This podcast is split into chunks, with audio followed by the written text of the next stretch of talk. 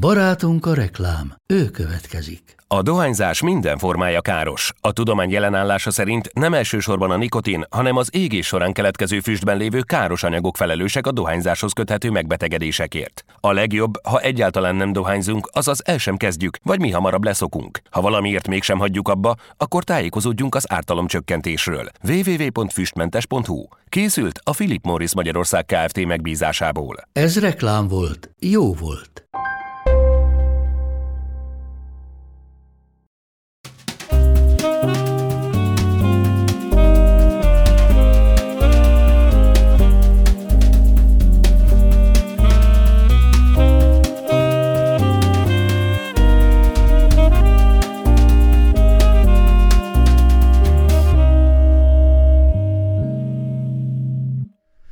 Sziasztok! Ez a Minden Segít Podcast nagyon sokadik adása.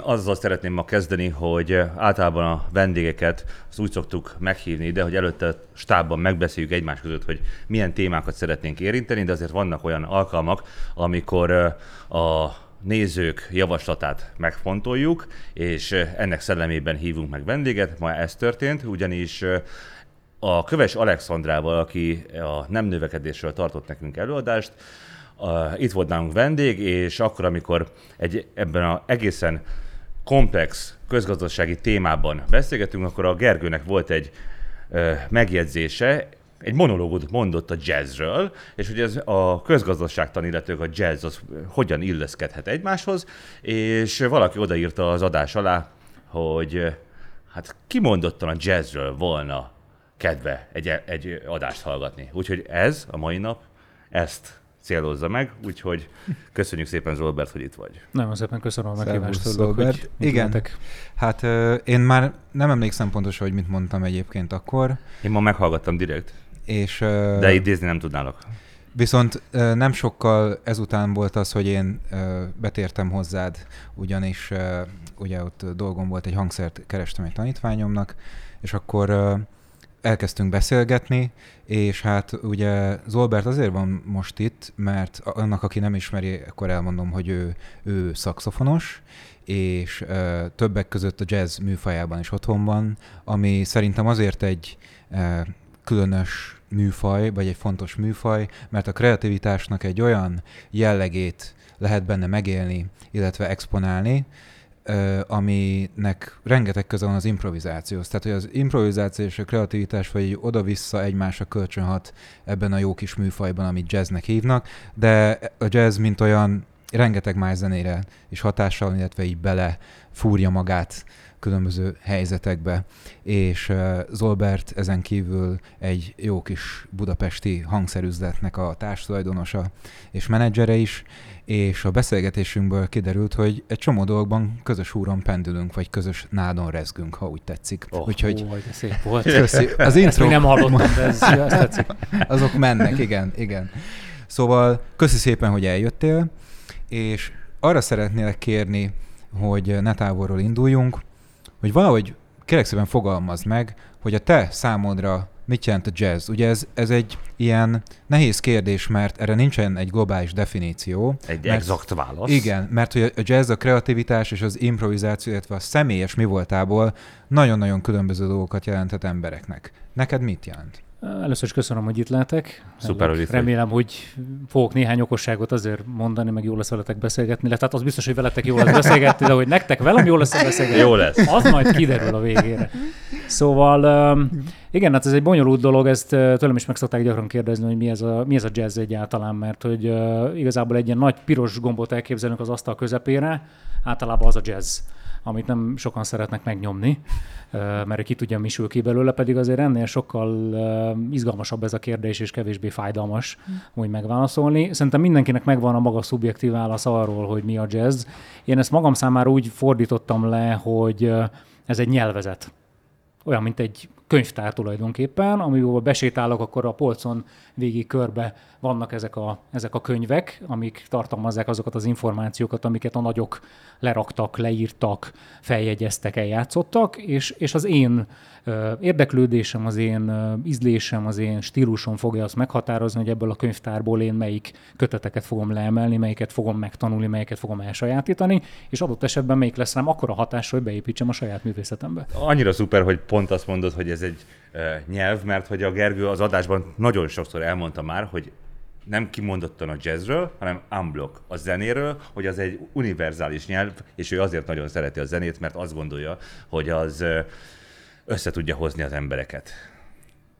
Így, így szoktad fogalmazni kb. nem? Igen, azért tartom ezt fontosnak megjegyezni, ugye, mert egy csomó olyan szituáció volt mindig is, és van most is, talán most különösen, ami ben azt lehet látni, vagy azt lehet tapasztalni a Földön élő emberként, hogy írtó nehezen értjük meg egymást, és elbeszélünk egymás mellett, és valahogy olyan érzelmek társulnak, meg ellentétek a verbális kommunikációhoz, amiknek nem lenne ott a helye. Bár hogyha nyelvről van szó és a jazzről, akkor viszont nekem azt gondolnám, hogy a jazz az én handicappel indulok a beszélgetésben, mert mind a ketten szakszofonos, szakszofonosok vagytok, mind a ketten jazzzenészek, én meg csak egy zenekedvelő ember, úgyhogy fogalmam sincs, hogy miről beszéltek, ám de a jazz nagyon szeretem, szeretem hallgatni is, és mégis azt gondolom, hogy a jazz az, hogyha nyelvekről beszélünk, akkor mondjuk a magyar mert hogy ez egy nagyon, nagyon különleges dolog, nagyon nehéz elsajátítani, nagyon nehéz megérteni, és kb. szerintem ilyesféle lehet a jazz, és azért érdekes nekem, hogy veletek beszélgetetek, mert hogy a, a, a jazz szerintem sajnos ma, pláne Magyarországon nagyon kevesen beszélik. Igaz, igaz. Szerintem kicsit halmozottan hátrányos helyzetben vagyunk, mégis szerencsés helyzetben. Nagyon sok tehetséges ember van ebben az országban, hmm. és most ez nyilván persze megillet, azt mondja, hogy ez megillet egy a magyar dolog, hogy ez a, mi találtuk föl a mindent is kategória, nem, tehát ez most nem, nem erről szól az én gondolatmenetem, hanem arról szól, hogy, hogy tényleg, tényleg extrém módon tehet, sok tehetséges ember van, és egyébként ennek is van egy tudományos oldala és az egyébként nem jót jó felé kapizsgáltál egyébként, mert abszolút a nyelvvel összefügg. Én olvastam nem olyan nagyon régiben egy tanulmány, mi szerint ugye a nyelvtanulás és a zenetanulás az hasonló agyterületeket vesz igénybe. Aha. És mivel egy borzasztóan bonyolult nyelvet beszélünk, ami egyesek szerint a világ egyik legbonyolultabb nyelve és a leg, legszofisztikáltabb, ezért azt gondolom, hogy ez egyeneságú következményet következményt okoz, vagy, vagy következménye annak, hogy, hogy ennyi kiváló zenész van itt Magyarországon. Teljesen mindegy, hogy most az éppen jazzzenész, vagy népzenész, uh-huh. vagy klasszikus zenész, de alapvetően azt gondolom, hogy, hogy lehet egy ilyen fajta összefüggés. Hát az, hogy egyébként ez a nyelv, ez, ez mikre képes, és hogy, hogy ezeken keresztül hogyan tudjuk kifejezni magunkat, ez egy másik kérdés, mert hogy mindenki ebből mondjuk azt, hogy van egy ilyen nyelv, vannak benne szavak, vannak benne mondatok, vannak frázisok, amiket elsajátítunk ugye a tanulmányaink alatt, de ennek ellenére mégis nagyon-nagyon különböző az, ahogyan látjuk a jazz. Tehát ez olyan, mintha dialektusokat beszélnénk tulajdonképpen, amiben mindig benne van egy picit a másiknak a, a nyelvezete, de hogyha elmenjünk mondjuk egyik stílustól a másikig, mondjuk 1500 kilométert elmenjünk az egyik dialektusról a másikig fizikailag, vagy elméletben, akkor lehet, hogy már nem teljesen értjük azt, amit a másik ő ott, ott szeretne hadobálni nekünk. Szóval ezek közben nagyon érdekes dolog, tehát hogy borzasztóan széles Aha. ez a paletta. A, én egy interjútban azt olvastam, hogy azért választottad te a smooth jazz-t, műfajul, mert hogy szerinted az az egyik legkönnyebben befogadható jazz stílus irányzat. Nekem ebben az a furcsa, hogy én például a jazzben azt szeretem, hogy igazán komplex, hogy, hogy, hogy, hogy, hogy oda kell figyelnem arra, hogy befogadhatóvá tegyem magamnak. De ezek szerint te meg pont a másik oldalról közelíted meg a műfajt. Hogyan? Miért? Mi volt a célod ezzel? Hogyan szeretted meg egyáltalán? Az az érdekes, hogy ez egy teljesen organikus folyamat volt. Tehát én tínédzser koromban, amikor elkezdtem szakszofonozni, én abban az időszakban még rockzenét hallgattam, sőt, hallgattam nagyon kemény metálzenéket egyébként. Tehát én nekem volt egy ilyen igazi, ilyen, ilyen acélbetétes, bakancsos, szimacatyros, fekete, yeah. porrós, csávos korszakom, és, és ezt, ezt én nyomtam rendesen, és aztán elkezdtem különböző zenéket hallgatni, akkor a könnyedebb rock, dallamosabb rock zene, bejött már a blues, és akkor egyszer csak bizonyos zenékben volt szakszofon, és így, így fölcsillant egy ilyen, nem tudod, tudjátok, mint amikor az az égő, ez a bizonyos képzetbeli égő, egyszer csak pong, hopp, hogy ez, ez mi? és egy ilyen lázadó fiatal, aki, aki nem tudja a helyét, meg sok bizonytalansága van saját magával kapcsolatban, a világgal kapcsolatban, az élettel kapcsolatban, hogy mit csinál, hogy csinál, úgy tűnt abban a pillanatban, hogy ez egy ilyen égi jel, hogy, hogy ezzel, ezekkel foglalkozni. Mennyi idős volt ilyenkor? 14 éves körülbelül, 14. De akkor ismerkedtél meg a hangszerrel úgy mélyebben. 15 évesen kezdtem el szakszofonozni, előtte nekünk voltak ilyen rockzenei próbálkozásaink, volt egy gimis rockzenekarom, ahol én doboltam. Egyébként mm. is rájöttem nagyon hamar, én borzasztóan tehetségtelen vagyok ebben a, ebben a dologban. Tehát, hogy jó... Állítólag akkor azt úgy csináltátok, hogy megbeszéltetek haverok egymás között, kiosztottátok, hogy melyik ötöké lesz a bizonyos hangszer, és csak rádesett dobválasztás. Szó szerint abszolút ez így volt, és hát az volt a nagyon érdekes, hogy hát valószínűleg ez már a korai menedzserénem kibontakozását segítette ez a dolog, mert hogy nem volt zenekar, zenekar, de már a zenekar neve megvolt. Uh-huh. Ugye ez tényleg úgy nézett ki, hogy egy lyukas órában egy osztálytársam elé oda toltam egy cetlit, hogy figyelj, ha lesz egy rockzenekarunk, akkor, akkor így fogják, itt volt rajta nem tudom, öt név, ilyen hülye angol nevek, természetesen a szótárból, tudod, ilyen, ilyen nyakatekert hülye nevek. És, és akkor mondta, hogy ránézett, hogy ez rohadt jó, ez tényleg nagyon frankó ötlet, csak az a baj, hogy nem tudunk zenélni. Ám de! És akkor jött a lyukas órának a vége, és akkor fölmentünk az osztályterembe, megkérdeztük a srácokat, figyelj, minden csinálnánk egy rockzenekar, tehát mindenki ez a nagy rocker, meg izé, fekete póló, meg zenekaros pólók, tudod. E, és akkor kiosztottuk a hangszereket, és hát én egyébként basszusgitározni akartam, valamiért, nem tudom miért. Ezt azóta sem tudtam megfejteni, de végül is olyan szempontból értelmet nyert, hogy a szóló lemezeimnek, a saját dalaimnak a 80%-ára basszust én írom általában Aha. a zenébe, úgyhogy lehet, hogy ilyen szempontból ez később manifestálódott. De alapvetően a végén maradt a dob, és akkor a szülők nagyon jó fejek voltak, elkezdtek hangszereket venni, elkezdtek ebbe az egészbe investálni, elkezdtek a Hú, pedig a dob az járni. nagyon veszedelmes. Hát én ezt el tudom képzelni, amikor egy tinédzser gyerek otthon és folyamatosan veri a dobot. A szom, ilyen lakótelepi, vagy milyen házban lakhatok? Hogy hát családi, az... családi házban. Úgy, akkor az még igen. kicsit szerencsém, mert ott Kőbánya Kispesten egy 11 emeletes házban laktam a másodikon, és a hatodikon volt egy szakszofonos, nem, ö, tubás. Tubás. Tubás ember, és amikor fújta, rezonált a másodikon a, a üvegablak, meg minden, szóval egy ilyen helyen azért egészen más, de hát akkor dobot megkaptad. És akkor mennyi ideig doboltál? Hát ez nagyjából tartott egy másfél évig, közben ugye becsatlakozott a szaxofon. De és a dob is a... nagyon jó hangszer szerintem, legalábbis így én, mint laikusként. Vagy jó hangszer, de az egy ilyen érdekes időszak volt, mert hogy nekem abban az időszakban még volt egy vízilabda karrierem, tehát ez még, ez még talán a kevés biográfiában van benne ez az információ, de abban az időszakban én a, én a Fradiban voltam igazolt versenyző, és akkor ez, ez tartott egy kilenc évig ez a, ez a történet, és hát akkor még azt hittem, hogy akkor ott nekem lesz esélyem a magam 179 centiével, és a, akkor egyébként 59 kiló voltam, nagyon durva. Wow. De hát aztán rá kellett jönnöm ilyen 16-17 éves korom környékén, hogy, hogy azért annál sokkal nagyobb tehetség kell fizikailag, hogy az ember életben tudjon maradni a, a medencében, mert ugye sokakat nyugtattak azzal, hogy mindenkinek nyakig ér a víz, hát ez persze ez aranyos mondás, igen, csak amikor jön egy két méteres csáva, akkor az annak minden arányosan nagyobb, és hát az erő is, meg, a, meg minden, ami, ami, ami lehetőséget biztosít arra, hogy lenyomjon téged. Szóval ez abban maradt, illetve hát ezzel párhuzamosan én amikor elkezdtem dobolni, akkor sajnos elég sok inhüvelygyulladásom volt. Mm tehát egyszerűen nem bírta a, a satnyatestem azt, hogy, hogy vízilabdázok, dobolok szartechnikával, és mellette még el is kezdtem egy idő után ugye a szakszofonozást is, és akkor én rengeteget kimaradtam az edzésekről, különböző kezelésekre jártam, hogy a csuklom helyre jöjjön, és akkor volt egy pont, amikor rá kellett arra jönnöm, hogy én belőlem nem lesz vízilabdázó, nem fogok, nem tudom, 40 kilót hízni és izomban, és még nem tudom, 20 centit nőni két év alatt, és akkor az lett a vége ennek a dolognak, hogy a vízilabda abba maradt, és a zeneibe meg átnyergeltem, mm-hmm. mert az úgy tűnt az első pillanatok kezdve, legalábbis a szaxofon tekintetében, hogy az így megy. Tehát hmm. jó, jó kezekbe is kerültem. Kolman Gábor volt egyébként az egyedüli szaxofontanárom a zenéskolában is, Persze. illetve később a konziban is, és hát egy év után kiderült, vagy egy éven belül is kiderült tulajdonképpen már, hogy, hogy ez nekem megy. Tehát ezzel érdemes lenne foglalkozni. És aztán el tudnál nekem magyarázni, hogy mi volt az a szakszofonban, ami megfogott téged? Én is emlékszem arra a pillanatra, amikor belém ivódott ez, és ami, ami azt a döntést kikényszerítette belőlem, hogy felvegyem a szakszofont, és tök kíváncsi vagyok, hogy neked mi volt az, ami a szakszofonban megfogott? Most nem akarom ilyen spirituális vizekre eltolni ezt a beszélgetést. Itt már voltak olyan beszélgetések, de... hogy aztán itt semmitől nem kell tartani, mert itt már voltunk túlvilágon is, jártunk már. De hogy alapvetően nekem, nekem ez egy ilyen, tényleg egy ilyen jel volt, egy ilyen felsőbb jel.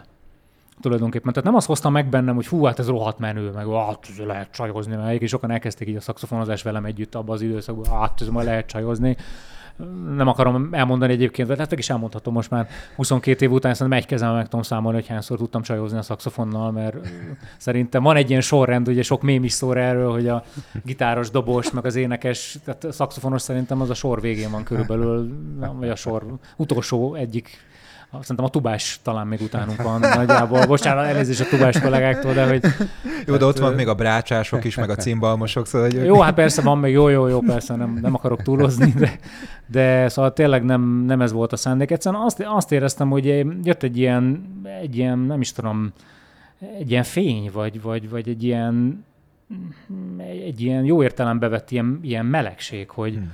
hogy eltöltötte a lelkemet az az egész dolog, hogy hú, figyelj, hogy ez, ez egy ilyen irány. Tehát így megnyílt egy ajtó, kinyílt egy kapu. De egy dalnak a hallatán, vagy? E, igazából Kató Zoltán, aki, aki egyébként a Bikini zenekarnak volt sokáig oszlopos tagja, igazából az ő szakszofonjátéka nyitott meg egy ilyen kaput bennem. Tehát azt éreztem, hogy ott van egy csávó, ő aki... tudja? Tudja, tudja, igen, uh-huh. mert sok-sok évvel később meg, megismerkedtünk, uh-huh. és uh, játszottam is vele, meg azóta is kapcsolatban vagyunk, és uh, mindig megosztom vele egyébként a lemezeimet, meg a, meg a sikereimet, úgyhogy kicsit nekem ilyen, ilyen zenei apa figura ő, de az az attitűd, ahogyan ő szakszofonozott, szerintem én ezt éreztem meg.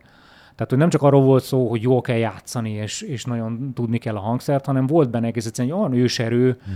ami, ami azonnal megragadott, hogy fú, wow, ez, ez ilyen hatást képes Igen. kiváltani. Tehát valószínűleg bennem volt ez, és ez nyilván később realizálódott ilyen szinten, de hogy, hogy a képes a zene, meg, meg a hangszer egy olyan hatást kiváltani, ami semmi más. Abszolút. És, ugye a, és a szakszofon kifejezetten képes bizonyos Igen. hatáskeltésre, Igen. amit én, én azóta is próbálok Szerintem érteni, használni. Ez az a nyelv, amit Robi mondott még egy pár gondolattal ezelőtt, hogy én ezt, ezt értem a zene nyelve alatt, hogy az egy olyan hihetetlen sávszélességet képes produkálni, és ráadásul úgy szól ö, a pillanat töredéke alatt ö, az emberhez, tehát egy szívtől szívig megy, ott, ott van a csatorna, és mindenkinek azt jelenti, ami neki éppen fontos. Tehát átmegy az érzelem, de valahogy annak nincsen érdeke, nincsen narratívája, nincsen, nincsen ö, ilyen részrehajlása, hanem maga az az érzelmi töltet megy át, és minden értelmet te magad ö, szűrőjén társítasz hozzá. Ezzel, Fantasztikus. Ezzel nem akarom most nagyon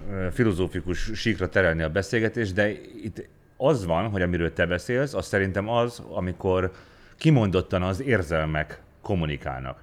És az ember sokszor elköveti azt a hibát, mondják egyesek, vagy van is erről egy ilyen filozófiai irányzat, hogy túlságosan szavak szintjén gondolkodunk, és túlságosan a szavakkal próbáljuk megfogalmazni mindazt, amit egyébként más metafizikai módszerekkel is lehetne.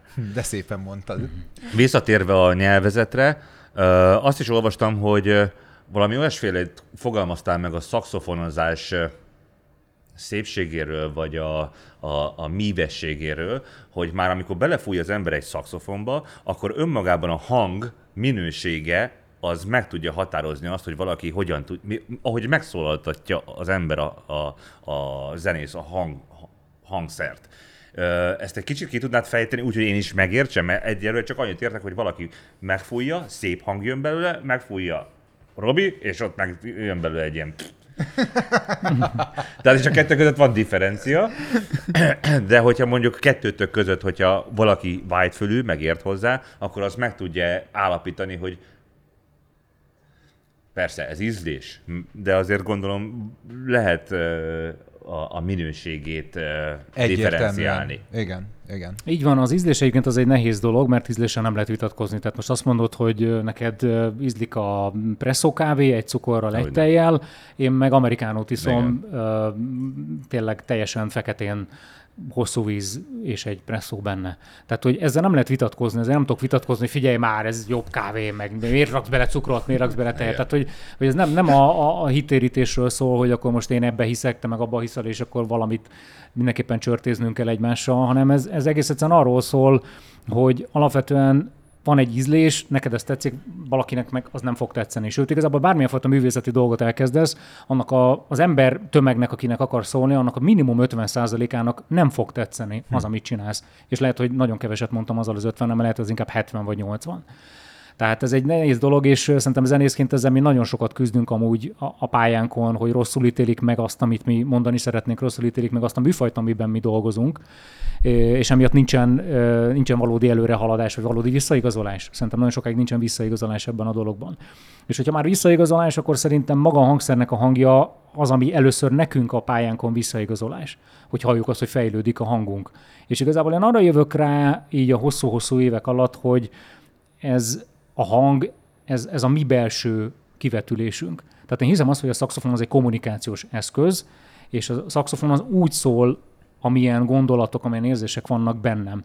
És ennyi idő elteltével már nincs arra lehetőség, és szerintem ez a Gergő is meg tudja erősíteni, nem tudunk napi 8-9 órát gyakorolni, mint annó konziban, meg mondjuk jazz szakon, ez kellett is azoknak, akik jártak oda, meg nekem is a konziba. Nincs erre egész egyszerűen lehetőség. Viszont nagyon sokat változik, ez a helyzet, nagyon sokat változik a, a hangom, de akkor, hogyha itt változik valami, vagy itt változik valami. Gyanítom, hogy ez egy más hangszernél is így lehet, nem?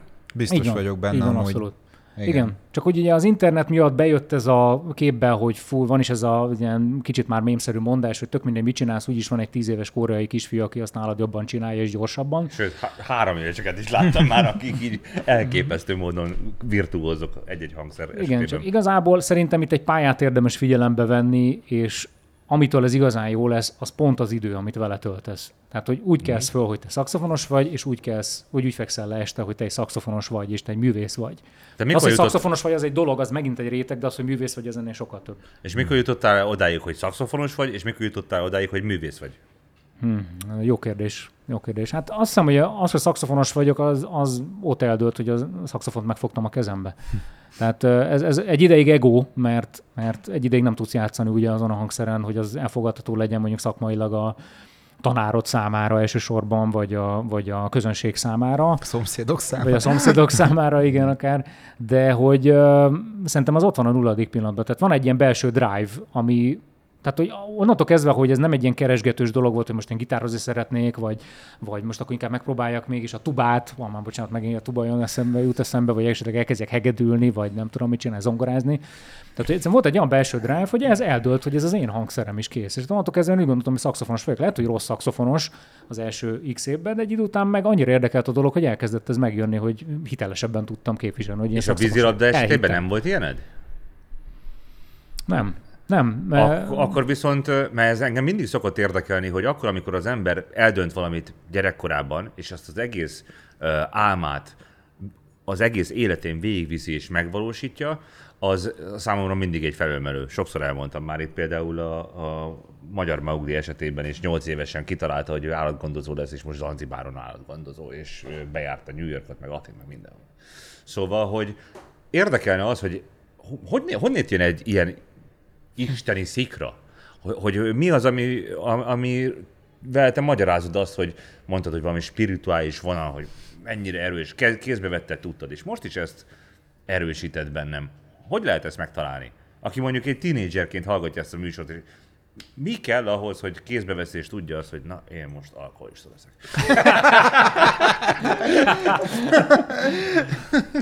Hát reméljük, hogy minél kevesebben lesznek alkoholisták, de nyilván ez egy talán, kivételesen talán, alkoholmentes ital. Talán, talán könnyebb, könnyebb ez a döntés, vagy ennek a meghozatala. Szerintem az én esetemben, nem tudok általánosságot mondani, az én esetemet tudom elmondani, én, én alapvetően egy eléggé kívülálló tinédzsernek éreztem magam mindig is. Mindig tinédzser kívülálló, nem? Maga módján szerintem igen, de hogy abból az osztályközösségből, ahova jártam, mm. mi egy ilyen kiválogatott osztály voltunk, mi voltunk az igazgató helyettesnek az osztályon. Nagyon sokáig nem értettem, hogy én miért vagyok ebbe az osztályba, hiszen itt ilyen nagyon-nagyon okos mindenfajta reál tantárgyakból nagyon-nagyon értelmes srácok és lányok. Hova az osztály... Én a 17. kerületben jártam egy 8 év folyamos gimnáziumba, a Balasi Bálint 8 év folyamos gimnáziumba, és akkor volt ennek a gimnáziumnak egy ilyen tehetségprogramja, és, és akkor a, mi osztályfőnökünk volt az igazgató helyettes, aki kiválogatta így a felvétel eredmények alapján az ő osztályát, és mi voltunk a C osztálya, a, a zseni osztály, csak aztán én hamar rájöttem, hogy én, vagy így azt kezdtem gondolni, hogy, hogy én, nekem mi keresni való van ebben a, ebben a zseni osztályban.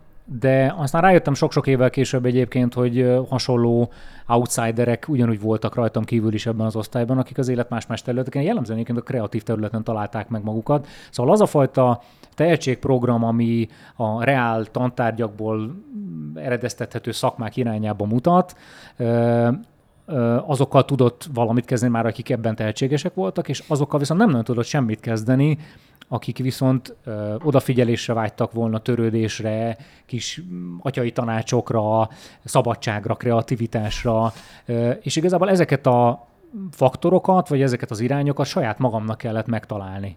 Hmm. És szerintem, szerintem egyfelől az volt ebben a kulcs, hogy volt egy ilyen outsiderség, volt ebben egy kísérletező vágy, hogy, hogy képes voltam ráhangolódni valamire, hogy fú, engem most ez rohadtul érdekel. Volt egy időszak, amikor az építészet érdekelt, és akkor elkezdtem középiskolában műszaki rajzot tanulni és elkezdtem épületeket rajzolgatni. Akkor volt egy időszak, aztán elmúlt. Akkor volt egy időszak, amikor rájöttem arra, hogy, hogy én meg akarok tanulni oroszul. De ez mind a szakszoffonozás mellett? Igen, igen, igen. És akkor elkezdtem a cirilbetűket tanulni, elkezdtem szépen cirilbetűket írogatni, nem tudom. Valamiért volt egy és ilyen mindig visszatértél a szakszofonhoz, vagy az folyamatosan ott volt mellette, tudtad, hogy az, a, az élvez prioritás, de nem voltál biztos abban, hogy ez lesz az életed útja. Mármint a szakszofonozás. Így van, úgy éreztem, hogy ez, ez, ez, úgy mellettem van, mint egy ilyen társ. Tehát, Aha. hogy az úgy éreztem, hogy ez bármi is legyen, ez nem fog kikopni. Aztán tudtam, hogy ebből lesz szólókarrier, meg lemezek, meg nem tudom. Meg azt sem tudtam abban a pillanatban, hogy egyébként furcsa módon a, a jazznek a legpopulárisabb ágánál fog kikötni, főleg úgy, hogy egyébként tényleg nehéz zenékből indultam. És uh, ugyanakkor ez egy tél, tényleg egy véletlen felfedezés volt ez az egész uh, dolog, hogy én ebben találtam meg magam, és egyébként volt egy nagy ikona az én életemben Grover Washington Jr., akit a smooth jazz egyik nagy ikonjának tartanak, és én sok-sok évvel ezelőtt csináltam egy tribute zenekart az ő tiszteletére, és akkor kezdtem el jobban megismerkedni ezzel a műfajjal, és akkor jöttem rá arra, hogy, hogy ez azért jó műfaj, mert nagyon jó játszani, és jó hallgatni. Ugye, tehát ez a, van ez a szereti a viccet, is, vagy értékeli a viccet, de nem szereti, tudjátok, vannak ezek a mhm. halmazok, és akkor van egy ilyen a zenében is, a jazzben is szerintem, hogy jó játszani, jó hallgatni, mhm. jó játszani, de rohadt szar hallgatni, rohadt szar játszani és rohadt szar hallgatni, ilyenből is sok van, és akkor tudjátok, vannak ezek a különböző halmazok, tehát szerintem a smooth jazz az pont ezért jó, mert az jó játszani is, meg jó hallgatni is, mert könnyed. Egész egyszerűen élvezetet nyújt. Uh, nyilván azt el tudom fogadni, hogy nem ez az a műfaj, amit minden nap ennék. Tehát az, hogyha az ételek nyelvén le akarom fordítani, akkor lehet, hogy ez a, nem tudom, a somlói galuska, vagy az almáspite, vagy a nem tudom, valami egyszerű paradicsomleves, tehát hogy lehet, hogy megeszed a paradicsomlevest, meg a somlói galuskát, de nem akarod minden nap azt tenni. És mielőtt találkoztál volna ezzel a műfajal, próbálkoztál ilyen egészen experimentális, vagy valami egészen sokkal nehezebben befogadható jazz műfajokkal is? Nem, igazából nem, mert nem érdekelt ez sose. És szerintem van egy ilyen faktor is ebben az egész zenélésben, illetve konkrétan a jazzen belül, hogy minden műfaj bonyolult a maga nemében. Tehát, hogy mondhatjuk azt, hogy hát ez ilyen pop jazz, ez, ugye hát van ez a jazz police elmélet, ugye vannak a nagyon-nagyon komoly jazzisták, akik, akik rühellik ezt a műfajt, nem is tartják egyébként jazznek alapvetően, és hogy hát, hogy ez egy ilyen live zene, meg, meg ez ilyen Kenny G, meg, meg ez, ez, ilyen pop jazz, ez ilyen izé, hakni, hakni dolog, és, és érdekes módon nekem volt, tényleg most név nélkül volt nagyon nagy nevű zenész kollégákkal tapasztalatom, akiket hívtam el a zenekaromba helyettesíteni, és fáztak meg pontosan ebből az okból kifolyólag, mert ők azt gondolták, hogy ez egy hakni.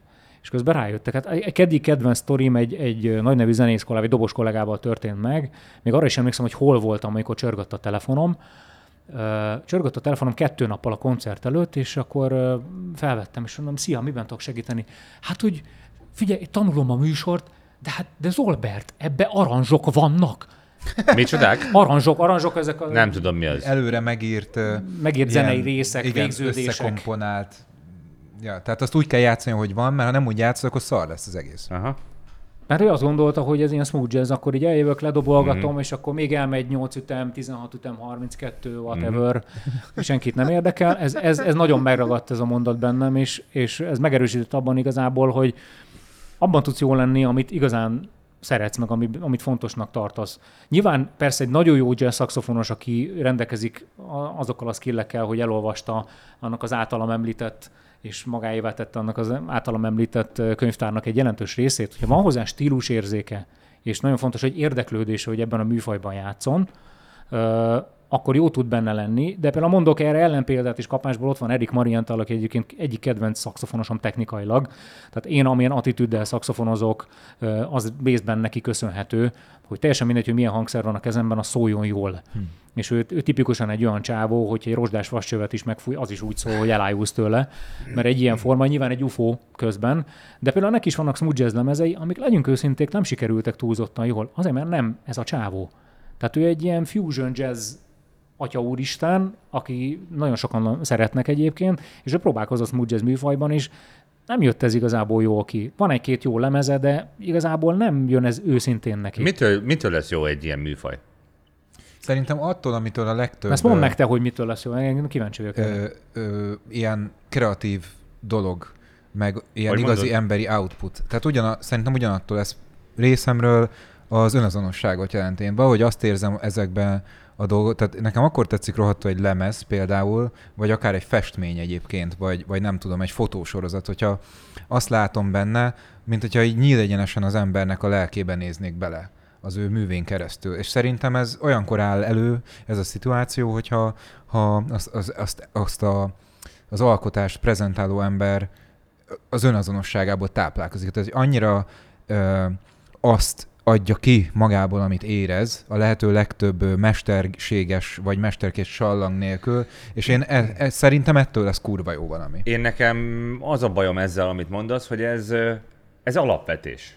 Hát neked lehet. Ez nekem alapvetés. Tehát én azt gondolom, hogy hogy a, aki művész embernek vallja magát, és nem egy ilyen megélhetési, nem tudom, ilyen megasztárban, vagy egyéb bármiféle helyen befutni akaró, vagy azért csinálok együttest, hogy én sztár legyek. Tehát, hogy nem, a, nem, a, nem arról szól a művészete, az, azt erő, erőteljesen idézőjelbe kell érteni, hanem azért, mert valami egészen mást szeretne. Sztár akar lenni, pénzt akar keresni, sok csajt akar, és nem az jön ki belőle, hogy ő a lelkét megmutassa, kitegye az asztalra. Én nekem ezért ez kevés ez a válasz. Hát jó, de ezt, amit te most elmondtál, én, én ezt nem sorolom feltétlenül művészet kategóriába, tehát hogy tényleg azokról az alkotókról beszélek, akik nem tudom, ezt a tízezer órát belerakták a, a craftba, a hangszerbe, az ecsetbe, a nem tudom mibe, objektívbe, és tényleg neki, akinek az lebeg a szeme előtt, meg a szíve előtt, hogy az, amit csinál, azt a lehető legjobban csinálja. Ez nem is rólad szól már, mint emberről,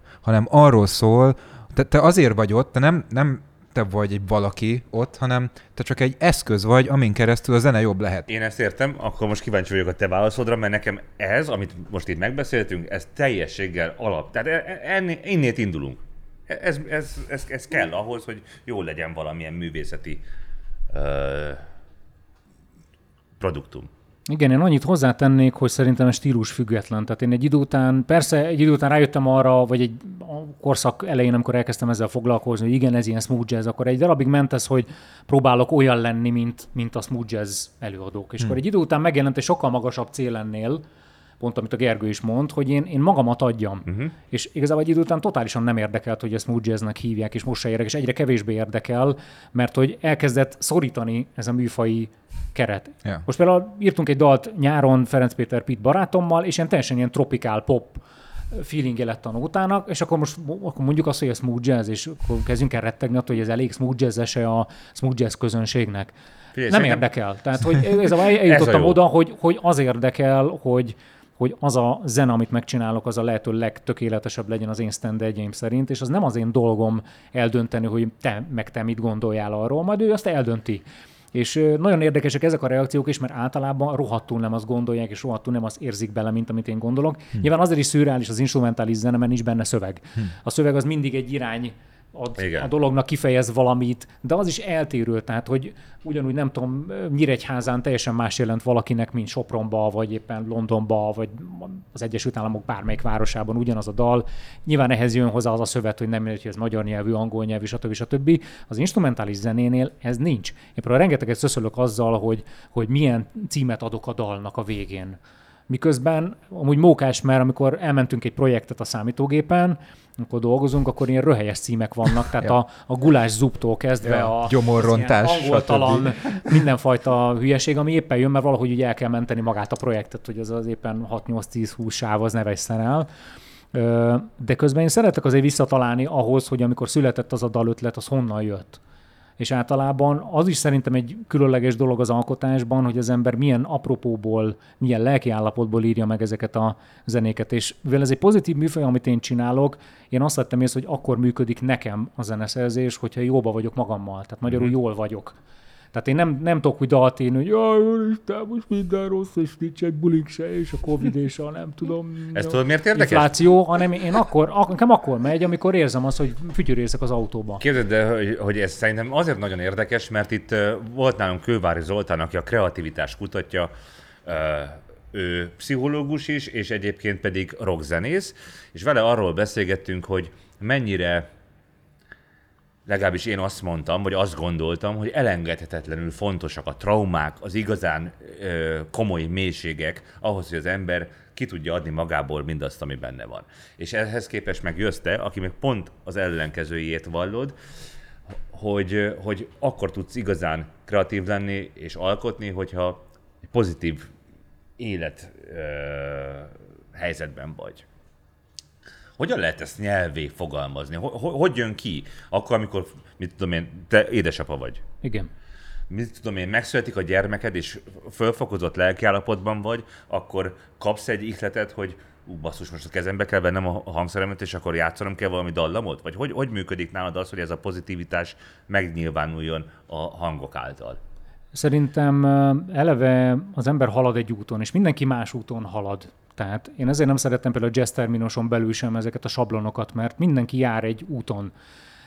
És, és azon az úton megtapasztalunk ugyanolyan dolgokat, és közben teljesen más dolgokat a másik oldalon. És én, én ezen folyamatosan dolgozom, folyamatosan dolgozom saját magamon, amitől végül is nem esedik a, a szaxofon hang, nem esedik a játék. Független attól, hogy most ez egy populáris műfajú dolog-e, vagy éppen annál bonyolultabbra sikerül. De azt gondolom, hogy, hogy én, én nem a szenvedést akarom elkerülni, mert persze van az ember életében szenvedés. Én azt gondolom, hogy fontos az értő élet, tehát fontos az, hogy megértsem azt, hogy ez a szenvedés az miből fakad. Értsem azt, hogy az én jólétem és az én fejlődésem elsősorban nagyon fontos számomra a fejlődés, hogy a fejlődés az miből fakad, és ezen, mint művész kell dolgozni, ami végig is visszahat az én életemre. Nagyon jó példát mondtál a, a gyermek születéssel kapcsolatban, mert konkrétan az egyik dal az így született, hogy amikor feleségemet bevittem a kórházba, tudtuk, hogy pár óra múlva meg fog születni a kislányom, akkor hazamentem, és egyszerűen valami kinyílt. Tehát van, van egy, és megint hozom ezt a spirituális dolgot, kicsit el is érzékenyülök mindig, amikor erről mesélek, mert, mert, mert nagyon őszinte volt az a pillanat, ami, ami akkor jött, egyszerűen azt éreztem, kinéztem az ablak, és azt éreztem, hogy megnyílik valami. Tehát, hogy jön egy üzenet. És igazából én azt gondolom, hogy mi közvetítő közeg vagyunk ilyen szempontból is, hogy nekünk képessé kell válnunk arra, hogy lehívjuk ezeket az erőket, ezeket az energiákat, és a hangszerünkön keresztül, a gondolatainkon, érzéseinken keresztül ezt közvetítsük valamilyen formában. És hazamentem, még összepakoltam egy pár dolgot, és egyszerűen jött az ötlet, hogy a dal, a dal uh-huh. maga. És hogy gyorsan rögzítőeszköz elő, gyorsan ott szakszofonoztam, oké, okay, letettem, fölvettem, és rohantam be a kórházba, vittem még azt a táskát, amiben voltak azok a dolgok, amik a, a, a születéshez fontosak voltak. És ebből egyébként lett is egy dal, Júlia címmel, amúgy meghallgatható a, a legutóbbi nagy lemezemre rá is került egyébként, és ez, ez, ez egy csodálatos dolog. És mm-hmm. tudom azt, hogy ez nem a világ legnagyobb slágere, és sokak számára nem ez fogja majd az Albert-tel való azonosítást jelenteni, de lehet, hogy azok számára, akik viszont szülőké váltak, azok számára nyújtott egy ilyen közös érzelmi szállat, hogy fú, de jó, hogy, uh-huh. hogy nem, nem csak egy robot vagyok egy szaxofonnal a kezemben, hanem, hanem hogy itt egy érzelemben van a hangszer mögött. Ami szerintem külön fontos dolog, mert mi egy szürreális helyzetben vagyunk azáltal, hogy így persze beszélgetünk egymással, de mi amúgy a hangszerünkön keresztül beszélgetünk, és ugye a szánkban van a hangszer, van egy ilyen fej közben, ami majd szimpatikus vagy nem szimpatikus, de hogy minden esetben ott van az ember a hangszer mögött, és azt szerintem tök jó, hogy ezekről beszélgetünk, mert a dal nem mindig tudja ezt átadni. Uh-huh. Ebben a székben itt ült nálunk Dragomán György, aki az egyik kedvenc magyar íróm, és ő azt mondta, hogy úgy ír, hogy olyan érzet, hogy amikor megfogalmazza a mondatokat, akkor olyan, mintha egy kulcsikon keresztül egy másik világba látna be. Hogy a zenében az, amikor azt mondod, hogy lehívod, vagy lejön, akkor ez megint csak egy ilyen, csak az nem egy ajtó, hanem egy, egy égi jelként, tehát ott is megnyílik valami. Tök érdekes, hogy azonos szimbólumokról, vagyis a szimbólum ugyanaz, csak más a kontext, vagy a tök furcsa, kreativitás, honnét jön. És ez azt jelenti, hogy valahol innét belülről kifelé kell adnod valamit. Igen, ugye a nagyon híres jazz saxofonos Charlie Parkernek volt egy olyan mondás, hogy ne te játsz a hangszeren, olyan hangszer játszol rajtad. Most nyilván ezt kicsit elemelném ezt a gondolatot, az ő zaklatott életútját tekintve, mert nyilván ő, ő neki sokszor ugye hát ő borzasztóan egy kábítószer függő zenész hát volt. mindenki. És nagyjából éve mindenki, és nem? neki börtönbe is ült többször, gyakorlatilag nem is volt neki saját hangszere, vagy csak nagyon kevés ideig, tehát mindig vala, innen-onnan volt valamilyen hangszere. De az alapvetően igaz egy hangszernél és egy hangszer választásnál is amúgy, hogy, hogy amikor fogok egy olyan hangszert, ami egyszerűen így mesél, tehát sztori van benne, akkor olyan dolgokat játszom Jó, rajta, Irigyelek benneteket. Ami, ami, amit soha nem játszanék. És szerintem ez van egyébként, amikor jön ez az ominózus kinézek az ablakon, és valami történik, egyszerűen viszi a kezemet valami erő annak az irányába, amit soha büdös életben nem csinálnék.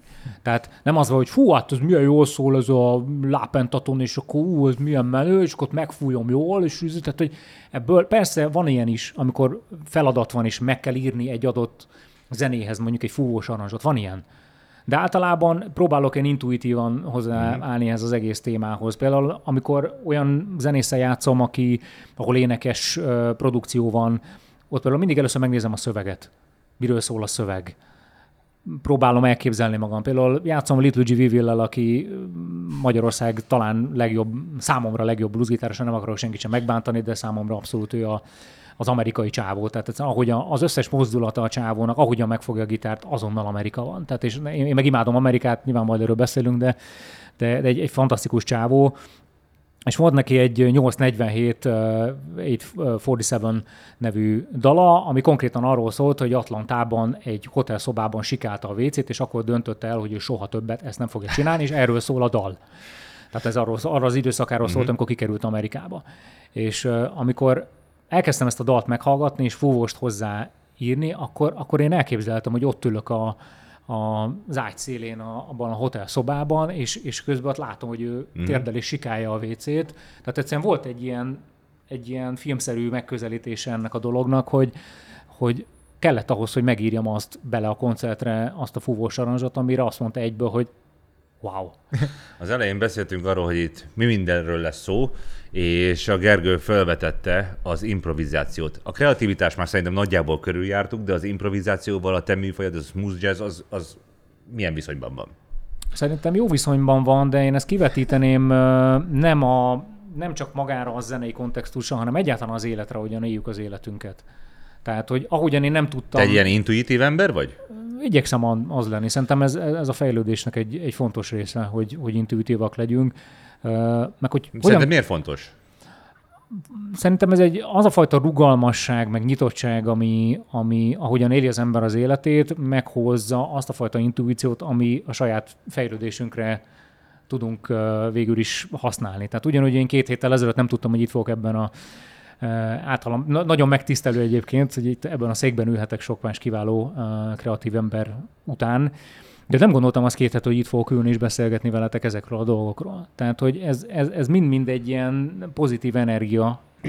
Képzeld, azt hiszem, a negyedik adásban volt itt nálunk egy srác, Ildés Adorján, akit azért hívtunk meg, mert négy éven keresztül kerékpározott a világban.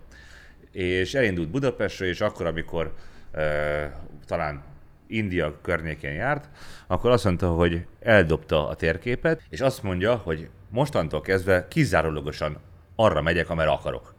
Most itt jobbra gondolok menni, akkor elment jobbra. Vagy itt balra akarok, akkor balra ment.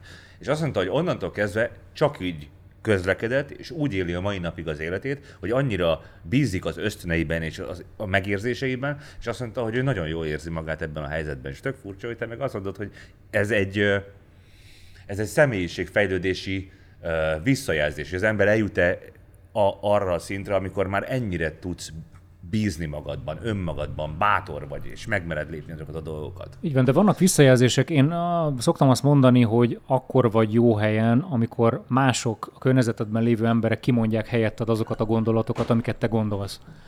Az, az egy nagyon zseniális érzés, amikor van egy kreatív ötlet, hogy vú, szerintem ezt kéne csinálni, azt kéne csinálni, és felhívod a zenésztársadat, felhívod az egyik legjobb barátodat, és kimondja igazából azt, amit te gondolsz. Az, az azt jelenti, hogy jó felé mutatnak uh-huh. a szálak. A másik fele meg az nyilván a megérzés.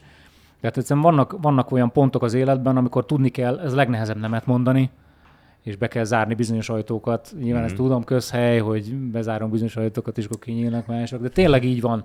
És az életemben most abszolút ez, a, ez az időszak van, és ha más nem, akkor tudatosan kell bezárni ajtókat. Tehát vannak olyan időszakok, amikor vannak források, amik kimerülnek, és nekünk ugye ez nagyon nehéz dolog szerintem zenészként, művészként, hogy mi, nekünk folyamatosan inspirálódni kell valahonnan. Tehát ez nem a gyári munka 8-tól 4-ig, hogy akkor hú, most itt a futószalag mellett összeraktam 300 darab, nem tudom, tányér alátétet, vagy, vagy csavar anyát, nem tudom, legyártottam. Nem mintha ezt én lebecsülném, mert nagyon értékelem azt, aki, aki föl kell reggel négykor, és elmegy egy gyárba dolgozni, tehát hogy mielőtt, uh-huh. mielőtt a kommentelők szétszednének, de hogy, de hogy alapvetően mi más, szerintem máshogy vagyunk bedrótozva, más, más a dolgunk. És, és nagyon érdekes pont egy Little G.V.-vel koncertet említenik, egy backstage-be való beszélgetést, és ez lehet, hogy sokaknak nem fog tetszeni, de, de, de azért elmondom, egyik zenész barátom mondta azt, pont a, Gabesznak, aki ugye Amerikában él 14 évig, és, és ő is próbálja magát itthon megtalálni az itthoni környezetben az ő félig magyar, félig amerikai gondolkodásával. A panaszkodás kellős közepén az egyik zenész kollega azt mondta, hogy figyelj Gabesz, az a helyzet, hogy Magyarországon szar a vibe hogy ezt fogadd el. És, és ezt azóta nagyon sokszor eszembe jutott ez a mondat, mert hogy szerintem ezt a szar vibe-ot, ezt a szar rezgést, ezt a, ezt a hangulatot, ezt szerintem mi generáljuk. Már úgy ért, hogy az emberek unblock generáljuk. És akkor mi ebből próbálunk főzni, ebből próbálunk valami olyan dolgot csinálni, ami, ami igazán egyedi, ami igazán nyugatkompatibilis, ami amerikai színvonalú, és számomra egyébként így is megdöbbent, hogy tényleg ennyi tehetséges ember ennyi jó zenét létre tud hozni, miközben valójában a szellemi, lelki energiák azok nagyon-nagyon alacsony szinten vannak. És hogy érzed itt magad? Ebben a szar közegben? Néha jól, néha meg borzasztóan. Ennek nyilván két iránya is van, mert egy ideig az ember bezárul azért, hogy megteremtse a saját komfortzónáját, csak aztán bejön megint az a közhely, hogy egy idő után túl kell lépni a saját komfortzónádon, ki kell lépni abból, hogy tudjál valamit alkotni. És szerintem ott van az, és ezt az egészet itatja át, vagy teszi egy még nagyobb kontextusban az, hogy hogyan tudunk inspirálódni, miből tudunk inspirálódni. Ezt akartam kérdezni, hogy te hogyan inspirálódsz, mert te filmművészetit végeztél? Igen. Akkor a film az egy olyan műfaj, az műfajnak mondjuk a film, filmművészetet? Nem tudom, addig kérek szépen egy ilyen italt. De hogy a filmekből te inspirálódsz? Vagy mi az, ami inspirál téged? Én nem vagyok olyan szempontból szerencsés, mint sokan mások a filmmel kapcsolatban, mert ugye a filmnek a, a gyakorlati részét ismerem, tehát ugye én gyártásvezető, illetve producerként dolgoztam több mint tíz évet. De hát függetlenül a f- egy, egy producernek is szerintem nagyon kell tudnia ismerni a filmet, a fölépítését, a dramaturgiáját, a hullámait. Így van, engem, engem érdekelnek a sztorik, érdekelnek a személyes sztorik. Érdekel az, hogy hogyan lehet egy történetet elmesélni. Érdekel az, hogy... A zené is ilyesféle, nem? Abba is, most Abszolút. mondtad, hogy, a, hogy a, a gyermeket születésének a sztoria. Az meg amikor a szaxofont megfújja, az is, az is olyan, mint hogyha egy beszélne hozzád. Uh-huh. Egy történetmesélés. Így van. Tehát én, én rengetegszer írok úgy zenét, hogy az egy még nem létező filmnek a zenéje is lehetne, hogy ha, uh-huh. már, ha már ilyen kapcsolást szeretnék találni és, és bízom benne egyébként, hogy előbb-utóbb lesz majd olyan rendező, aki, aki képes lesz majd megfilmesíteni ezeket a dolgokat, mert hogy csomószor hogy a zene az egy másod, harmadrangú dolog egy, egy filmkészítés során. Hát az mondjuk egy, az a Tarantinónál a... például nem. Igen, nála speciális módon nem, de alapvetően a rendezők többségénél ez egy, ez egy sokadrangú dolog a, a zene, és szerintem nem jut rá elég figyelem nem, nem választanak feltétlenül a mai modern filmesek elég szofisztikált zenéket. De ez ahhoz, nem csak Magyarországon van így? Ez szerintem egy nemzetközi trend igen? is alapvetően, igen, igen. Tehát, hogy nagyon-nagyon ez a minimál, nagyon elektró, nagyon funkcionális, dolgok vannak. Én szerintem érdemes lenne csomószor bevonni a kreatív folyamatba még jobban zenész, zeneszerzőt, producert, aki, aki, aki érti a zene nyelvét, aki, Hát aki figyeljetek, hozzá tud ehhez szerintetek szólni. e, e, mondjuk a hét mesterlövész, vagy bármelyik Sergio Leone film az lett volna olyan, hogyha nem a Morricone a zeneszerző. Nyilván nem. Szerintem tényleg vannak ilyen ikonikus példák, és szerintem ezek tökéletesen megmutatják, hogy egyszerűen nem is értem, hogy ezt az ittszert miért hagyják ki a film productionből, hogy egy jó zenével akkor átnő az Hát egész. figyelj, a Csillagok háborúja John Williamsnek a Hát, ja, zenéje igen, nélkül mit tud? például. Mi, mi de egyébként lenne? a gyűrűk urát is, vagy a Harry Pottert is, tehát olyan, olyan feeling, érted, ha meghallod a tű, tű, tű, tű, tű, tű, tű, rögtön tudod, hogy mi van. Tudod, Majd a végén le- bevillannak leénekelni és a- kell játszani. Nem. Szóval inspirálódás. Igen, vagy igen, még egy gondolat, hát hogyha produceri szempontból nézem, akkor egyébként iszonyat nagy marketing erővel bír. Tehát hány olyan sorozatnak a, a zenéje van felhasználva X más kontextusban, ami azért lett híres, mert annak az adott sorozatnak vagy filmnek lett a, vagy volt a Jó zenéje. barátok például. Igen, tehát Ja. és nyilván a TikTok tele van ilyenekkel, amit ami nyilván idő után megőrülsz, hogy, hogy eh, egyszerűen minden, minden videó alatt ugyanaz az öt zene van, mm. vagy tíz zene van, de, de csomószor ettől lesz híres valami. Lehet, hogy azért nézi meg valaki a Game of Thrones, mert, mert ismeri azt a, azt a dalt, vagy a, nem tudom, játszom például egy, egy produkcióban a, a Karib-tenger kalózainak a, a zenéjét, és, és így, a film az, az engem rohadtul nem fogott meg, nem, valahogy nekem ezek a filmek nem, nem a világom részei, mm. része, de hogy, de hogy közben meg elfogadom, hogy a zene az viszont zseniális. Igen. De ez ugyanígy nagyon sok sorozatnál is így van, hogy, hogy maga a, a zene számomra az, az, az sokkal többet ér, mint maga maga az a képi produktum, ami ott le lett téve az asztalra. De nyilván a kettő együtt működik igazán, az a legjobb, hogyha Igen. Ez szimbiózisban van. Ha még annyit visszacsatolhatnék amúgy az előző témához, ugye volt a, az inspiráció, meg az intuíció, és szerintem eh, vagy én úgy, úgy élem ezt meg, hogy hogy noha nyilván nem mindenkinek van arra kapacitása, vagy akkora szerencséje, hogy ez így úgy az útjába jön, vagy lehet, hogy affinitása sincs mindenkinek arra, hogy valamilyen kreatív művészettel foglalkozhasson, különösen nem mondjuk életviteli szinten. Viszont én úgy gondolom, hogy a, az intuíció az igazából minden embernek adott. Főleg egy bizonyos életkorig. És ö, azt gondolom, hogy ha szerencsés vagy, vagy lehet, hogy mástól is függ, nem csak attól, akkor ezt tovább tudod vinni a későbbi életedbe.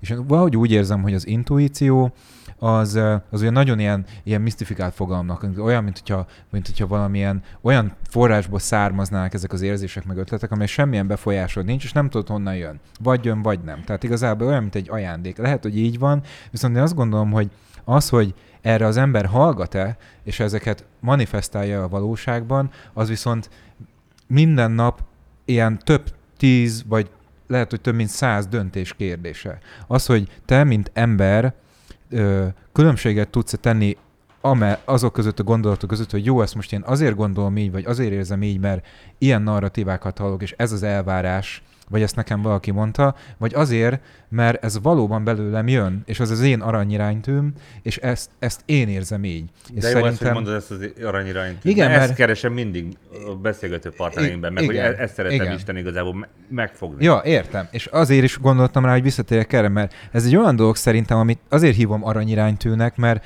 ez egy ilyen számomra úgy vizualizálom, hogy ez egy ilyen végtelenül szofisztikált, olyan, mint, egy, mint a legdrágább svájci óramű, és tökéletesen kattog így chillingel benned, viszont kibaszott halk.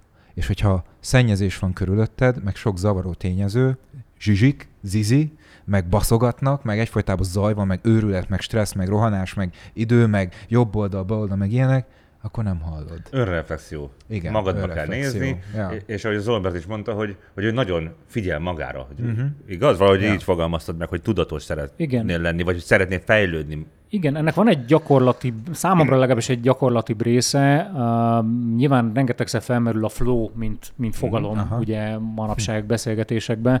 Én, én akkor érzem, hogy gyakorlatilag megy, amikor van egy ilyen flow az egész dologban, mert az élet az a folyásról szól, arról szól, hogy ezt az életet azért kapjuk, hogy éljünk vele.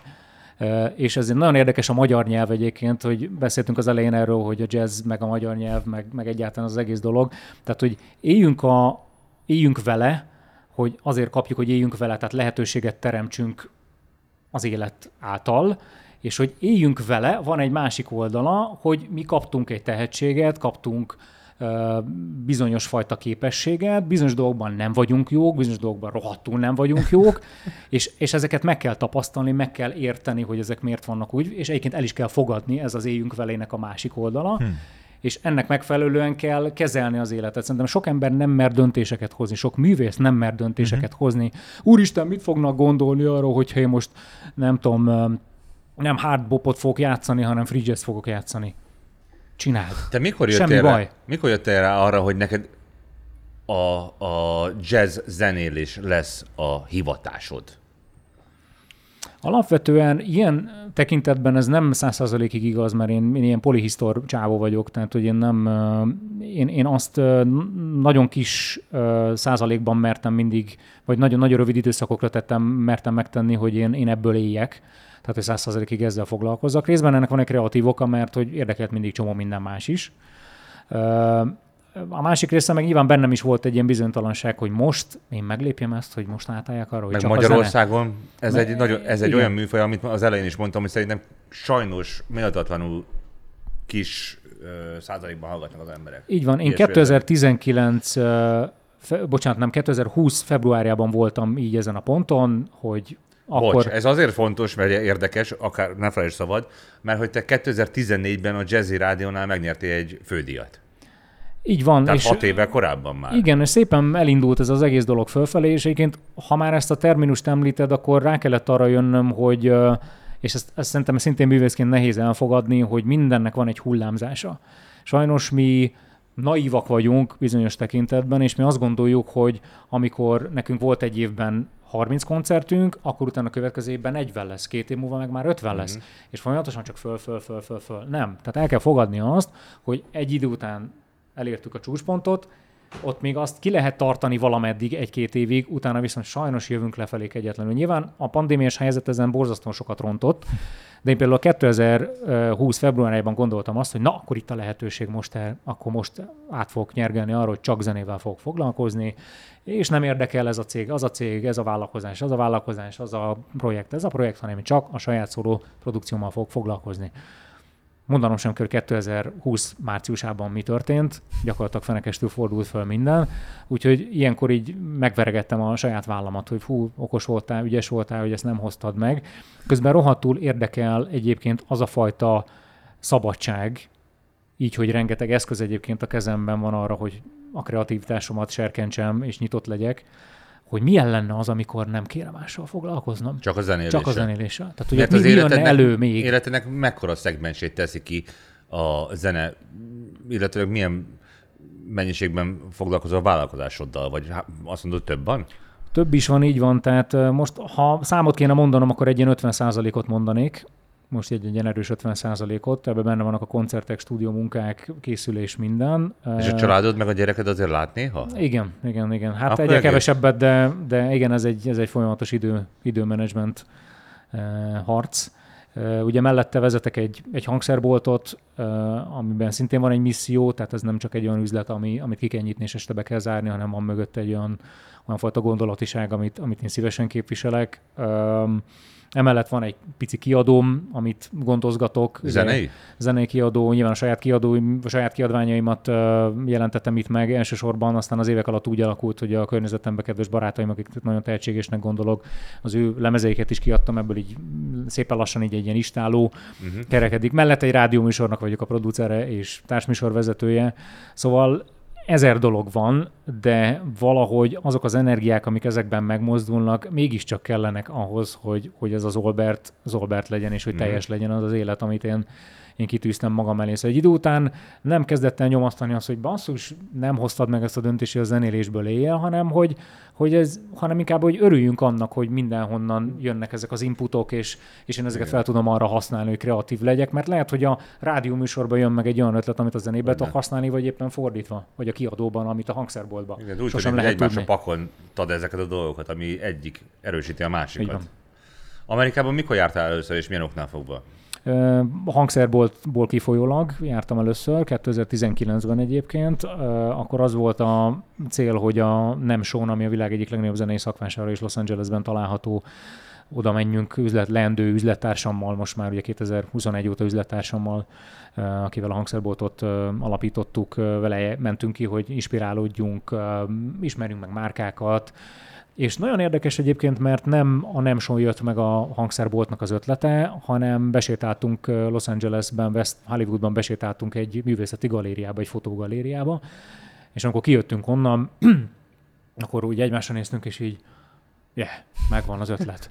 Tehát, hogy De ez, ez megint az előbbi gondolatmenetet támasztja el, hogy sosem tudod azt, hogy honnan jön az ötlet. Ez egy nagyon egyszerű uh, dizájnú galéria volt, bementünk, fekete-fehér volt minden, hatalmas fekete-fehér printek voltak ilyen drótokon lelógatva, volt benne egy gyönyörű fekete hangversenyzongorral, egyébként jazz triók játszanak hétről hétre, azt minden hétfőn vagy minden szerdán, arra már nem emlékszem, ki voltak a nevek, egyébként hihetetlen nagy nevek játszanak ott hétről hétre, és egymásra nézünk, és az jutott eszünkbe, hogy aki ezt csinálja, nem találkoztunk a tulajdonosát, de hogy aki ezt csinálja, ez biztos, hogy rohadt nagy szenvedéllyel csinálja azt, amit csinálja.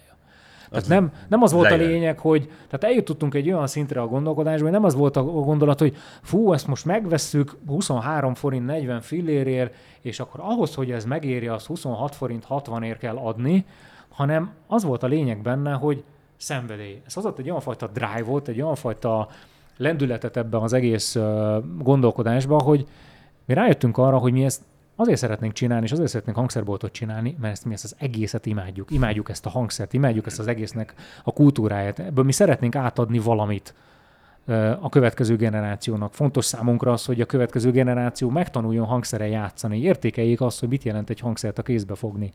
Ismerős? Á, nem, ez fogalmam sincs, hogy miről van szó. Úgyhogy ez, ez gyakorlatilag így alakult. Most nem tudom, honnan kanyarodtunk el ide, vagy én honnan kanyarodtam el ide, de hogy... Amerika. Igen, Amerika, igen, érdekel, bocsánat. Hát a jazznek az ős, ős hazája. New, Or- New Orleansban voltatok? Hm. hát én azért csak oda elmennék hm. helyetekben, hogyha tehetném. Mindenképpen tervbe van, tehát bakansisnás dolog. Hát ugye Amerikáról is van, innen Európából sokfajta kép az emberek fejében de szerintem ez minden országgal kapcsolatban így van, vagy városokkal kapcsolatban, tehát hogy én azt gondolom, hogy el kell menni, meg kell nézni, értelmezni kell, haza kell jönni, megint el kell menni, megint máshogy fogod látni. Szóval ez, ez szerintem nagyon érdekes, ez egy folyamatos fejlődés ez is. És Azt neked uh, milyen volt uh, mondjuk az elképzelésed, és ehhez képest mennyiben volt más az ottani tapasztalatod? Az a műfaj, amit én csinálok, az eredendően egy ilyen West Coast dolog, tehát ugye ez egy ilyen Kaliforniából mm-hmm. jövő dolog, és én nagyon kíváncsi voltam, hogy azzal a fajta rezonanciával, amivel én próbálom csinálni a dolgaimat, az ott, az tényleg ott van, vagy ez tényleg úgy működik. És kimész, és persze vannak olyan dolgok, amiktől eleve elájulsz. Tehát, hogy kisétálsz a Santa Monica pírre, és igen, a, Pacific Coast Highway, és igen, és az a naplement, és, és más, más színű a nap, igen, más színű, nem olyan, mint itt, nem, nem egyszer nem olyan, nem olyan a levegő, ne, egyszerűen semmi nem olyan. Más a tempója a közlekedésnek, más a tempója az embereknek, más a tempója a, a, a beszédnek, mint mondjuk New Yorkban, vagy valószínűleg New Orleansban. Uh, szóval egy, egy, egyszerűen jó ebben a, a dologban így, így megfürdeni egy kicsit, és így, így feltöltődni. Szóval nekem elsősorban az volt a, az élményem, hogy feltöltöttem ott aztán persze voltak olyan társadalmi dolgok, amik, amik rohadtul nem tetszettek, tehát hogy végső soron láttam a, a csodát, láttam az, az innovációt, láttam az elképesztő színvonalat és az elképesztő gazdagságot ezzel párhuzamosan, és közben láttam a nyugati civilizációnak a bukását ott egy, egy utcasarkon, amit talán meséltem is nektek itt a, az adás elején adáson kívül. Mondd szóval, el kérlek itt a nézőknek is, ők is tudják, hogy mi, igen, mi ez, ami szembesített ezzel. Igen, ez egy nagyon-nagyon, tényleg ilyen retinába égett kép volt. Álltam a Sunset Boulevard is, meg nem mondom milyen utcának a sarkán, egy gyalogátkelőnél a piros volt az én lámpám, és kanyarodott le a hegyről egy ilyen gyökkető sebességgel egy, egy aranyszínű, metál aranyszínű Lamborghini, aminek ugye mínusz kettes tempóval kellett mennie, mert ugye a, a hegy meg a, meg a Sunset Boulevard az körülbelül ilyen szögbe van, tehát hogy le ne érjen ugye az alja. Miközben álltam egy sátor mellett, ugye ezt ilyen tentnek hívják, ahol ugye ott hédereznek a, a, a hajléktalanok, ahol konkrétan a saját ürüléke folyt ki a sátorból. És ott állsz a civilizációnak az elvileg csúcsán, ahol a jazznek az ős hazájában ahol elvileg egy olyan államban, ahol ami, ami világszinten, a, jól emlékszem, az ötödik legnagyobb gazdasági egység, Tehát gyakorlatilag Kalifornia önmaga É, az a világ ötödik Igen. leggazdagabb Így igaz. ha ország lenne, az ötödik leggazdagabb Igen. országa lenne. Miközben itt fekszenek emberek sátorban, és egyébként ne is beszéljünk uh, ugye Los Angelesnek különböző részeire, ahol a több tízezer ember Igen. Igen. fekszik az utcán, szó szerint, Ilyen sátrakban, meg Sátrakban. hogy, hogy ez így nagyon-nagyon durva volt. Mhm. Ezt így megélni egyszerre, hogy, hogy ezt a mérhetetlen gazdagságot, ezt a mérhetetlen uh, minőséget, ami egyébként csomószor ott megjelenik, akár zenében, akár filmek szintjén, akár szolgáltatások szintjén, uh, és ezzel párhuzamosan pedig azt, hogy, hogy ezekkel az emberekkel nem tudnak mit kezdeni. Vagy nem akarnak, Vagy nem akarnak. Igen, ezt ki tudják, nyilván ez egy másik Hát, vannak beszélgetés talán. Igen. A legendás Jazz Tracks rádióban az a Van című lemezedet, azt egyszer beválogatták a top 25-ös listába, tizedik helyig jutott. Ez azt hiszem 2017-ben volt, vagy ez mikor? 16 talán már És akkor utána téged emlékeim. meghívtak oda ö, koncertezni? Sajnos nem. Nem voltál Amerikában koncertezni? Ö, egyszer nem felléptem a Nemson, de ennek egy hangszermárkához volt köze, aminek a Zendorzeret a képviselője Mhm. uh-huh. voltam, tehát az egy ilyen kis pici bemutatkozó félórás koncert volt, tehát azért nem volt ennek akkor a kicsit nagyobb volt a füstje, mint a lángja, nyilván jól nézett ki, meg, meg tök, tök jó élmény volt, de, de az a klasszikus bemutatkozás az várat magára.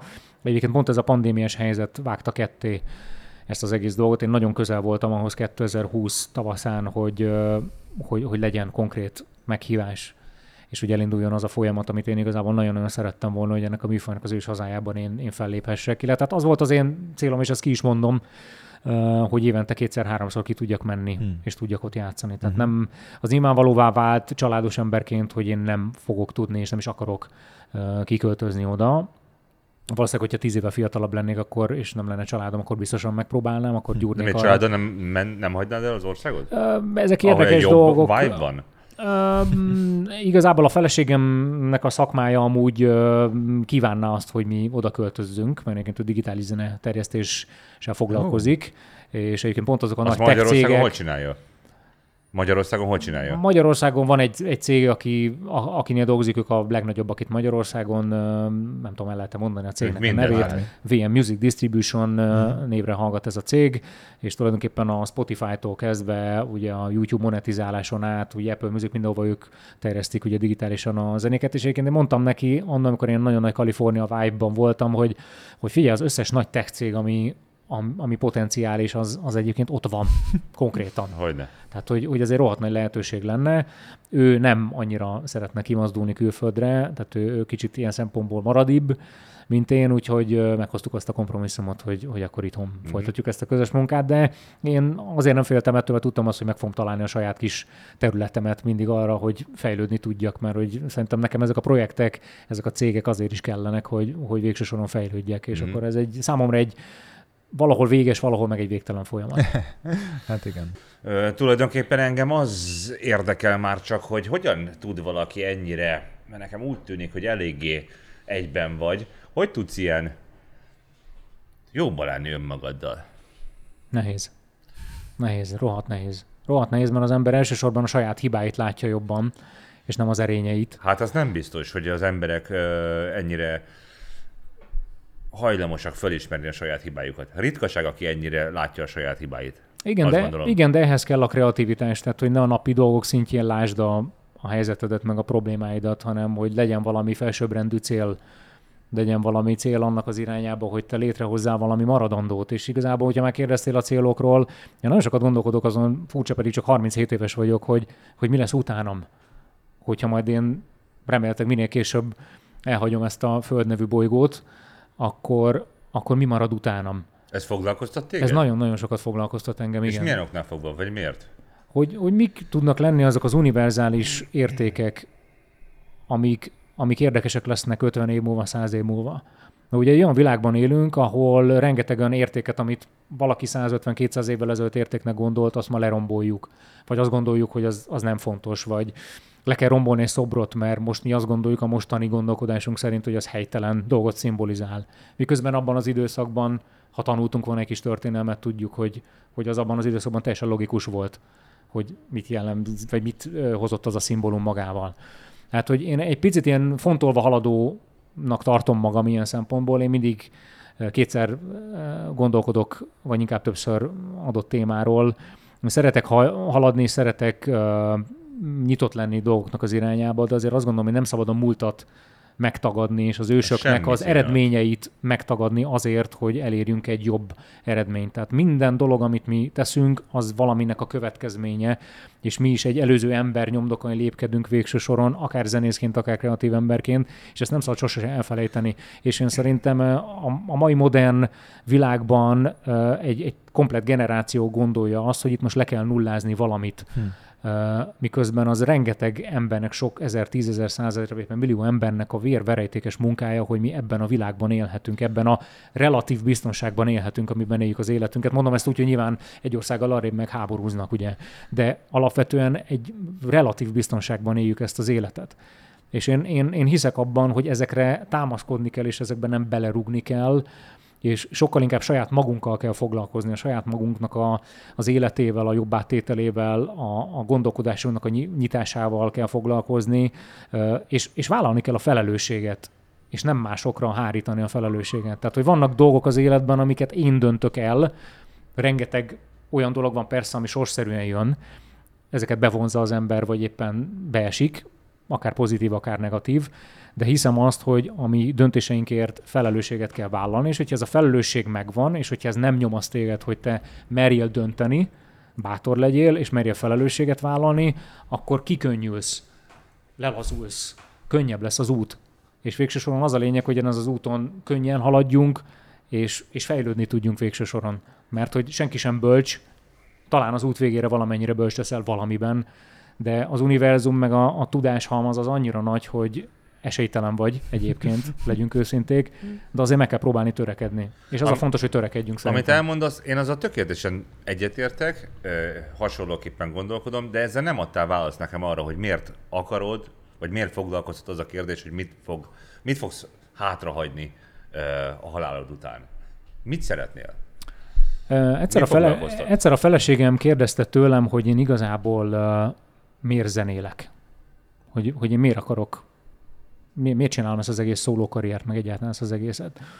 És gondolkodtam egy picit, és az volt a, ez ilyen zsigeri válaszom erre, hogy, hogy én azért csinálom ezt az egészet, hogy senkiből valaki legyek.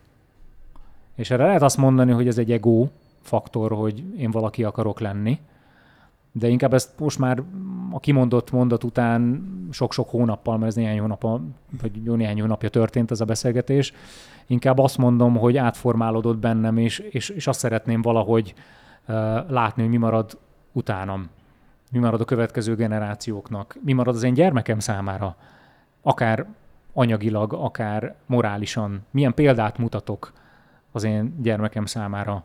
Én egy, én egy olyan családból jövök, ahol nem volt előzménye a zenének, nem volt előzménye a kreatív vitásnak, nem volt előzménye a kreatív életnek, ennek egyáltalán ennek az életfelfogásnak. Tehát én ilyen szempontból egy ilyen fekete bárány vagyok, ha úgy tetszik.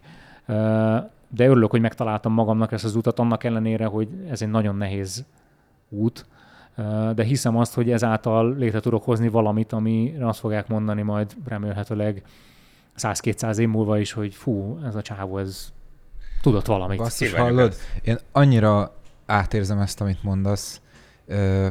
Képzeld el, hogy, hogy tök kicsi voltam, nem tudom hány éves lehettem, talán ilyen 5-6-7, és egyszer csak otthon így, így otthon voltunk anyukámmal, és elkezdtem sírni. És az anyám megkérdezte, hogy Gergőke, mi baj? És így azt mondtam neki, hogy hát az, hogy én nem akarok egy szürke egér lenni. És nem tudtam elmondani nyilván, hogy ez mit jelent, de igazából számomra ez azt jelentette, hogy, hogy szeretnék valami olyat tenni az életemben és az életemmel, ami után valami marad. Tényleg legyen az akár jó gondolatok, vagy, vagy bármi, bármi valami olyan maradjon utána, amihez én hozzájárultam, amivel én hozzájárultam a világhoz. És azt gondolom, hogy szerintem erre amúgy valamennyien képesek lennénk. És Szerintem Mégis. mindenki képes is, és meg is teszi.